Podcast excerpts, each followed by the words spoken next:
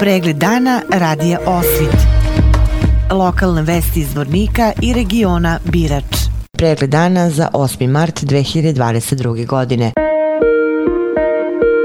Povodom Međunarodnog dana žena, gradska organizacija ratnih vojnih invalida organizovala je druženje sa svojim članicama. Kakav je položaj žene, posebno ratnih vojnih invalida, saznaćemo u prilogu koji sledi. Veliko je zadovoljstvo za nas žene sa statusom ratnih vojnih invalida kada se neko seti i pozove nas za 8. mart, rekla je Anđa Obradović i dodala. Ja sam bila u Roštu, bila na liniji. Svi smo mi, ali ja sam još ne dam da kažem da sam ja ovo, da sam ja ovo. Obični radnik, bila radila prije. Drago mi je, drago mi je ovako da se posjećamo.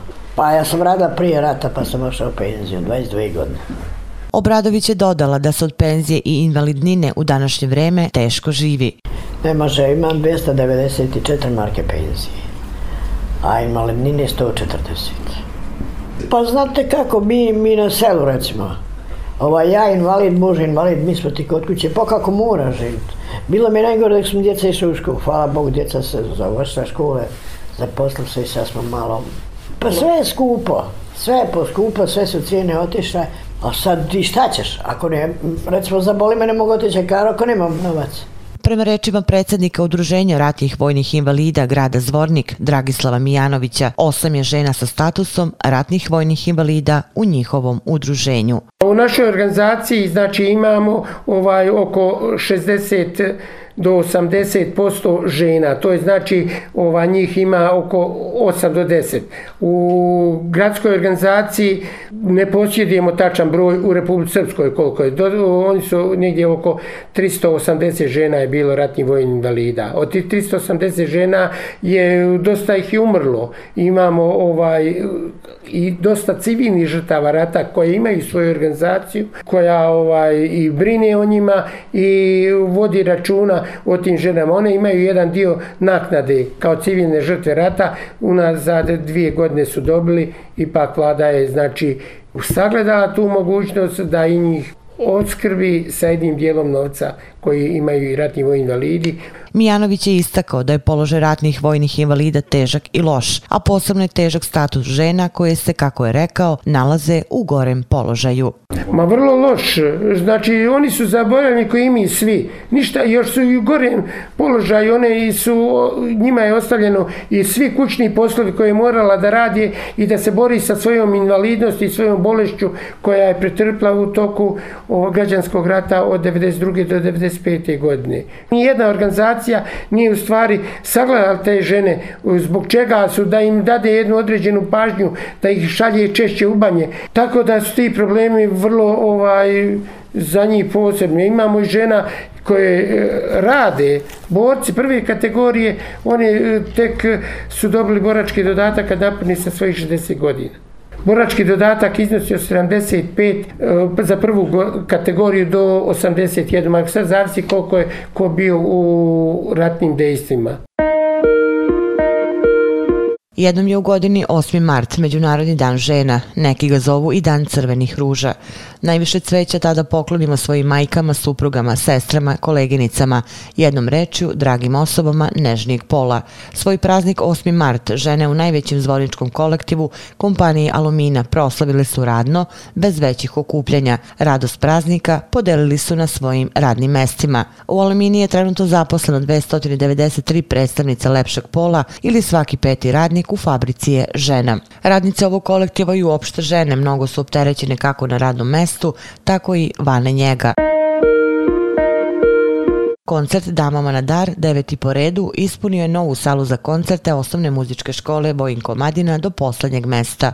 Učestvovalo je oko 150 učenika koji su svojim nastupom obradovali svoje najmilije. Detaljnije u prilogu. Mame, bake, tetke, ali i tate na koncertu Damama na dar prvo su obradovali članovi malog hora osnovne muzičke škole zajedno sa svojim drugarima iz dečijeg hora Doma kulture iz Bratunca. Na prve taktove svi mobilni telefoni su podignuti minuti kako bi bio zabeležen nastup najmlađih članova škole. Koliko je učesnika bilo na koncertu, direktorica Dijana Zekanović kaže Ovo je već e, deveti po redu koncert. Predstavilo zaista mnogo učesnika. E, imali smo mali hor e, koji je, pored našeg malog hora muzičke škole, ugostio svoje drugare iz Bratunca. U pitanju je dječji hor Doma kulture iz Bratunca koji vodi profesorica Želimirka Malović. Tako da smo pozvali i drugare da nastupimo druženo, da obradujemo sve mame, bake, tetke i naše drage dame u životu. Zatim je nastupio i hor e, osnovne muzičke škole gdje nastupaju svi učenici od četvrtog do šestog razreda i imali smo 23 solo tačke, tako da je sve ukupno nastupilo oko 150 izvođača. Da li su zadovoljni podrškom sugrađanki i sugrađana? Zekanović ističe. Mi smo zaista prezadovoljni. Ovo je prvi koncert koji je održan u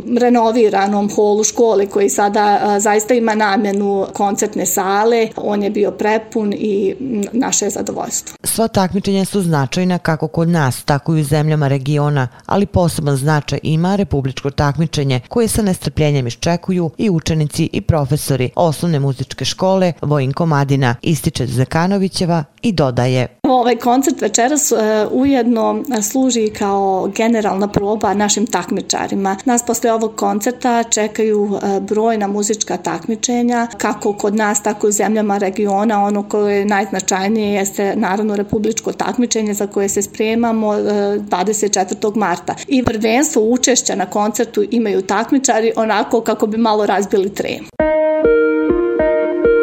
Obišle su zvorničke prodavnice kako bi proverili navode o povećanoj potražnji i kupovini određenih životnih namirnica, a dobijene informacije delimo sa vama. Kako su nam rekli zaposleni u marketima i prodavnicama, u zadnjih par dana velika je potražnja osnovnih životnih namirnica, brašna, ulja, šećera, makarona i riže. Cene su trenutno u gradu 10 feninga razlike u prodaji.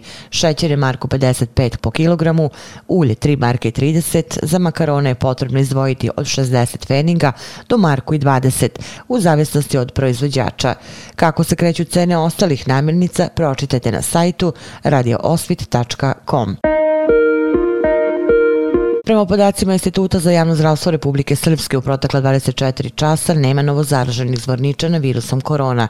Na području grada aktivan je jedan slučaj i to lice nalazi se u kućnoj izolaciji, potvrdila je higijenska epidemiološka služba Doma zdravlja Zvornik. U COVID-odolenju Zvorničke bolnice smeštena su tri pacijenta iz Zvornika i po jedan iz Bratunca, Šekovića i Ham Pjeska.